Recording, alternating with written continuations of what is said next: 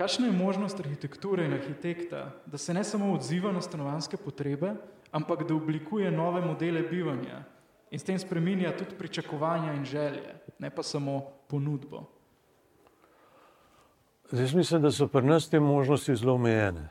Predvsem zaradi pravilnika o stanovanjski gradnji in po drugi strani tudi zaradi teh občinskih prostorskih eh, načrtov, ki preveč določajo. Tako da vsi ti eksperimenti, ki jih pa zelo dobro poznamo iz eh, arhitekture 20. stoletja, naprimer, od 20 let dalje, ne, mislim predvsem na Weissenhof, Zidlung, pa Corbusier eksperimente v zvezi s stanovanjsko gradno, oziroma na razmišljanje ali kakorkoli, in tudi kasnejša, ne, o socialni gradnji, vse to je pri nas pravzaprav v veliki meri omejeno ali pa skoraj, skor bi rekel, da je nemogoče.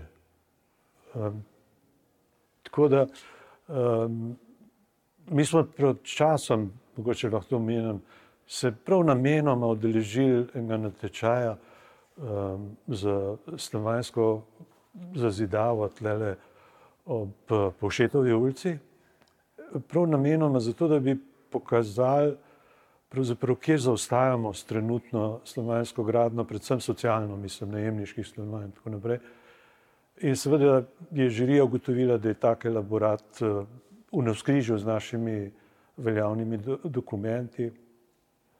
Nekaj v tem tudi je omenil Eh, direktor stanovanjskega sklada Črtomir Remc v nedavnem intervjuju, ko pravi, da ga obvezuje, jo pravzaprav te urbanistični občinski dokumenti, da gradi po dve kleti uh, garaž v socialni gradni, kar se mi zdi totalno nedopustno in v nasprotju z, kaj bi človek rekel, tistim temeljnim intencijami, naprimer, ki so bili prisotne v stanovanjski gradni, kot pravimo, v 20 letih, pred stotimi leti. Ne, pravzaprav.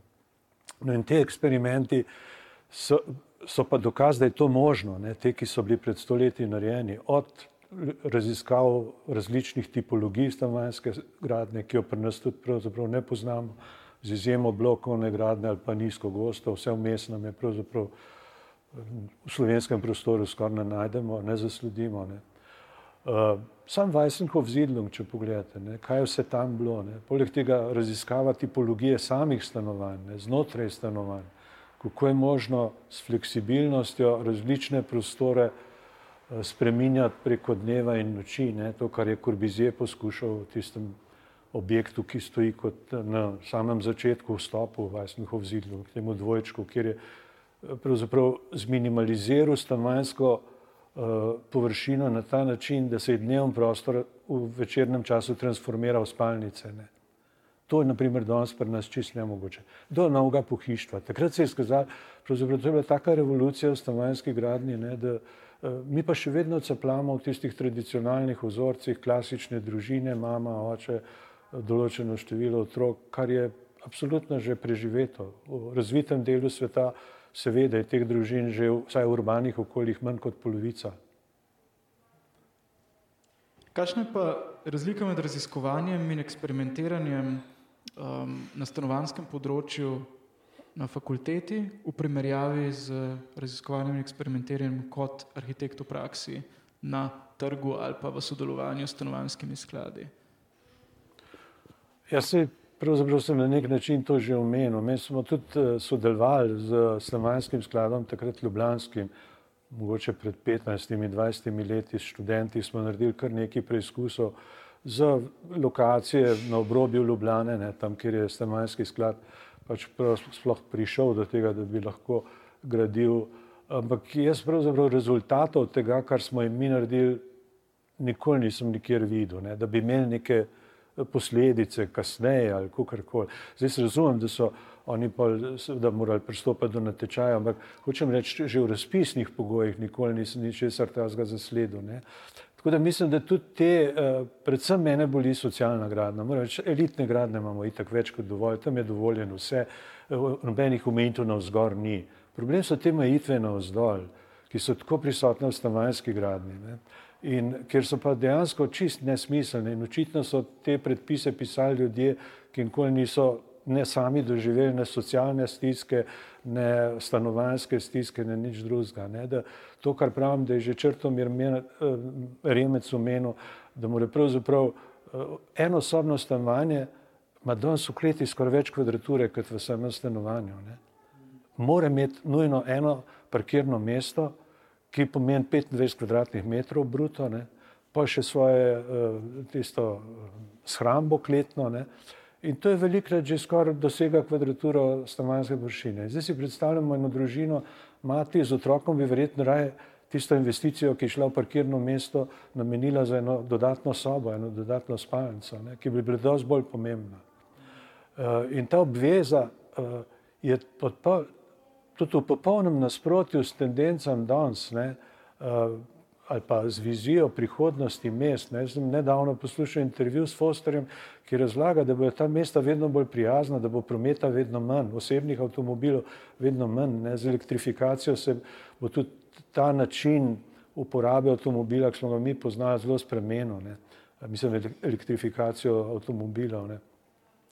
Eh, predvsem bojo nakupna, vre, nakupna investicija je višja, starih avtomobilov ne bo, druge oblike prometa v mestih bojo, se že vidimo, kaj so električni skiroji, kaj pomeni bicikl, je ne ta izposoja. Tudi v Ljubljani že danes deluje ta izposoja avtomobilov dosti dober. In ekonomski izračun kaže, da za enega, ki ni prav premožen, bo to dosti bolj uh, verjetno bliže. Ne. Predvsem pa če bi bil razbremenjen te investicije, da preden sploh lahko razmišlja o stanovanju, mora že pokriti ceno uh, garažnega mesta. Ne. Če pa nad 70 kvadratnih metrov sto pa to že dve garažni mesti, kar pomeni 40 tisoč uh, evrov dati samo v klet, uh, zato da imaš tam, to sta vsaj dve, dve sobi za otroke. Ne kar bi bilo dosti bolj pomembno. Tako da teh nesmislov imamo polno. No. Drugo pa glede fleksibilnosti samih eh, stanovanj, to, kar sem rekel, da je že Kurbizir raziskal, ali pa kar vidimo kasneje pri uh, novelu, ne, v 80-ih letih, tista njegova uh, socialna gradna v Nimu in pa moja, pri nas še vedno prvič je, je, je nedosegljiva in ne, ni jo možno uresničiti. Mi smo v tem smislu že razmišljali. On je tam postavil tri postulate, ki so po mojem res bistveni. On pravi, kvalitetno stanovanje je veliko stanovanje, oboje stransko osvetljeno in fleksibilno. Niti enega od teh treh elementov mi v pravilniku, z, kot pravim, za stanovanjsko gradno pravzaprav ga nimamo. Ne. Imamo pa popolnoma druge in posledica tega je, da gradimo te stanovanje z notranjimi temnimi, stanovanjske objekte, ne, z notranjimi temnimi hodniki, eh, enostransko osvetljenimi, kar pomeni tudi slabo prezračevanimi in predvsem nefleksibilnostni. Ne. S fleksibilnostjo mislim, da bi se dal doseči ta manjko kvadrature, ne, da bi to, kar pravim, da je Corbusier razmišljal, da se dnevni prostor razširi tudi na kvadraturo, ki je mišljena za, za nočni. Mi imamo pa tako strogo deljen dnevni del, nočni del. Ne. In nočni del je tretjino dneva, dve tretjini dneva mrtev, kar je velika škoda. Ne. In nasprotno. No. Predvsem pa ne razumemo, da to, kar je naprimer profesor Srna Mandič na FDV-ju raziskovala, no, nikakršne korelacije ni med uh, tem, kar ljudje najamejo ali pa kupijo in številom članov družine. Ne. Ampak je to samo vprašanje dohodka, ne, kapitala, ki je na razpolago. In pa imamo te anomalije, da v dnevnih sobah mora nekdo spati, ker nima spalnice, zraven pa, kot rečeno, imajo, če imajo čez 70 kvadratnih metrov, imajo dve parkirni mesti v kleti. Uh, mislim, take pravilnike bi mogli enostavno odpraviti. In jaz mislim, če jih ne bi imeli, bi se odprle vse te možnosti bi bila ta stanovanja dosti bolj prijazna ljudem, kot so take, ki gradimo v skladu s pravilniki. Ne. Ki so bili pa namenjeni temu verjetno s čist dobrim namenom, da ne bi slabih uh, stanovanj gradili. Sam zdaj gradimo pa slaba stanovanja, uh, predvsem pa stanovanja, ki se jih ljudje, kaj bi človek rekel, z nižjimi, z manj skromnejšimi dohodki ne morejo sebi primernih stanovanj pač uh, dobiti no, ali kako koli temu rečemo. Kako gledaš na Brdo? Ne? Je v bistvu edino večje um, ali pa bolj kompleksno um, sosedsko ali pa uh, del mesta, kjer so se različne tipologije pa uh, preizkušale mogoče v zadnjih desetih letih in kakšne so tvoje izkušnje pri sodelovanju pa pri snovanju skupaj s kolegi uh, bloka F3? Jaz sem bil samo dvakrat upleten v ta del Brdo, ker je tudi ta blok, eh, sem bil v žiriji že prej. Tam ni bilo nobene možnosti drugačnih tipologij, ker je bilo vse že eh, pred samim natečajem, je bil pravzaprav urbanističen koncept že določen. Eh, čeprav je bil urbanističen natečaj, ampak so bili gabariti teh stanovanjskih objektov v veliki meri že določen. Tako da ni bilo možno res, naprimer, nizko gosto, kar bi bilo po mojem bolj smisel in bolj atraktivno za ljudi, ker je to že umaknjen z mesta ven. Jaz mislim, da so te uh, stanovanjske sosedske, ki se gradijo na obrobju mesta, bi pravzaprav morali temeljiti na tem, čim več zelenja, tako kot so bile sosedske v 60-ih, 70-ih letih. Uh, Dobro, to je ena plat tega. Ne. Druga plat je pa ta eksperimentalen blok, ki ste ga omenjali. Uh, jaz mislim, da je bila namera najboljša. Eh, vmes so se sicer eh, se je pač vodstvo eh, tega stanovanjskega sklada menjalo in je bil tudi interes za projekt zelo različen v različnih obdobjih. Težava je bila v tem, da so bila pričakovanja napačna, ne? ker mi smo vsi res pričakovali, da bomo imeli odprte roke, zato da bomo lahko ali pa saj, delovne pogoje, zato da bomo lahko res raziskovali to, kar pravim, da so raziskovali arhitekti modernizma v 20 letih. Zares so pa, ko smo naredili neke idejne zasnove, so rekli, da so pravzaprav neskladne s pravilniki in da je zdaj treba to uskladiti s pravilniki. Ko smo uskladili s pravilniki, so pravzaprav to postali neki konvencionalni tlorisi in so zgubili tiste temeljne kvalitete, ki bi jih imeli, če bi lahko ostali na idejnih zasnovah. Drugo pričakovanje, ki je bilo napačno, je, da bomo pokazali, kako se da cenejš graditi, kar je bila seveda tudi intenca. Ampak, če ti narediš prototip, tudi pri avtomobilu, je vedno dražji kot je serijska proizvodnja. Ne? Mi smo pa celo štiri prototipe v enem samem bloku, ne bi lahko rekel, štiri različne tipologije poskušali stanovanje in tako naprej.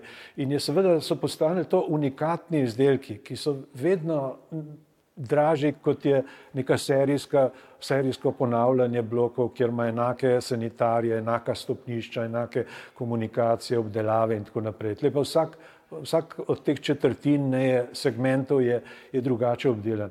In rezultat je bil seveda, da so ta stanovanja celo dražja od ostalih blokov. Ne? In uh, seveda ljudje so se nad tem zgražali, ker pravim, ni to teh pričakovanj zadovoljili. Uh, niso pa razumeli tega, kar zdaj pravim. Ne? Da pravzaprav, če narediš prototip novega avtomobila, ki ne bi bil v bistvu cenejši od tistega, ki jih proizvajajo, bo še vedno prvi prototip bo dražji. Ne? Šele ko boš začel izdelovati velike serije, se bo to lahko drastično pocenilo. No. Tako da jaz mislim, da je bila eh, tam že od začetka morda napačno, da mi nismo znali tudi njih uh, opozoriti na to, kar pravim, da se je pa zgodilo, no? da so bila ta pričakovanja, kot rečeno, tudi vodstvo se je zamenjalo in tako dalje. No? So bili pa poskusi v to smer, ki pa pravim, da verjetno jih ne bomo uspeli, nobeno od nas ne bo uspel tega premakniti, dokler ne bomo eh, premaknili uh, teh predpisov veljavnih. Ne? Zato se mi zdi tako pomembno, to, da zdaj to tudi na Slovanskem skladu ugotavljajo, da to ne gre več tako naprej. Ne. Zdaj bom pa zastavil še uh, šest zelo kratkih vprašanj na osnovi tistih um, vprašanj iz revije Arhitekt, pa nekaj ažuriranih vprašanj, um, pa um, za odziv za tak anketni vprašalnik. Prvo je, ali je potrebno reševati stanovanske tlorje skupno z urbanistično rešitvijo, ali je potrebno tip stanovanja kakorkoli vezati na določen mestni predel. Ja, jaz bi no, moj odgovor, da ja. Ne, dober, na mestni predel sem že prej nekaj rekel. Jaz mislim, da tipologija se mora pravzaprav prilagajati lokaciji, ne. tipologija objektov in eh, to tudi mi nočemo pravzaprav videti. Ne, da, naprimer, v, v mestnem središču ne moreš graditi na enak način kot pet km iz mesta ven. Ker ljudje tudi eh, ceno tega, da se morajo teh pet km voziti, zato morajo dobiti neko kvaliteto, ki jo v mestnem središču ni. Ne.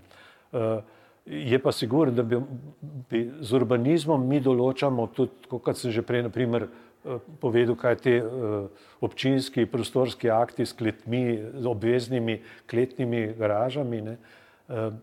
Dodatni problem s tem kletnim garažami je, da, da se bojo potrebe zmanjšale in kaj bomo s temi prostori, ne, ki so neuporabni za karkoli drugega. No, ampak, kakorkoli, hočem reči, da tudi urbanizem v veliki meri seveda vpliva. Ne. Eh, naprimer te Korbizijeve raziskave, da ne bi vsako stanovanjska enota se v bivalnih kvalitetih približala bivanju v enodružinski hiši in zato ne bi bila zasnovana okoli ne velike odprte terase, tega mi danes ne moremo narediti tudi zaradi urbanističnih pogojev. Kaj mislite o pravilnikih in predpisanih minimalnih stanovanjskih površinah? Ali naj se spremenijo ali celo ukinejo? Ukinejo. Ali mislite, da so pogoji za to, da lahko pričnemo z gradno resnično racionalnih in dobrih stanovanj, nove tehnologije in materijali? Če da, kateri? Mislim, da to še najmanj. Da je treba v glavah spremeniti najprej. Je število sob ali uporabna površina sploh še relevantno merilo uporabnosti stanovanja? Jaz mislim, da število sob ne. Če, mislim, jaz sem že večkrat in prilikah in bi znova rekel, fleksibilen, odprt loris je uporabim, ker tudi znotraj družine in istega števila članov je, so potrebe po zasebnosti pri mehnem otroku, ki ima dve, tri leta, popolnoma druge, kot pri enem otroku, ki preživlja najtežja leta pubertete, ki hoče, za, nujno mora imeti neko zagotovljeno zasebnost. Zato jaz pravim, število sob, glede na število družinskih članov, je popolnoma ne, nerelevanten podatek. Skladi imajo omejena sredstva. Ali v času stanovanske krize pametneje ta sredstva vložiti v gradnjo večjega števila zasilnih ali manjšega števila bolj kvalitetnih optimalnih enot?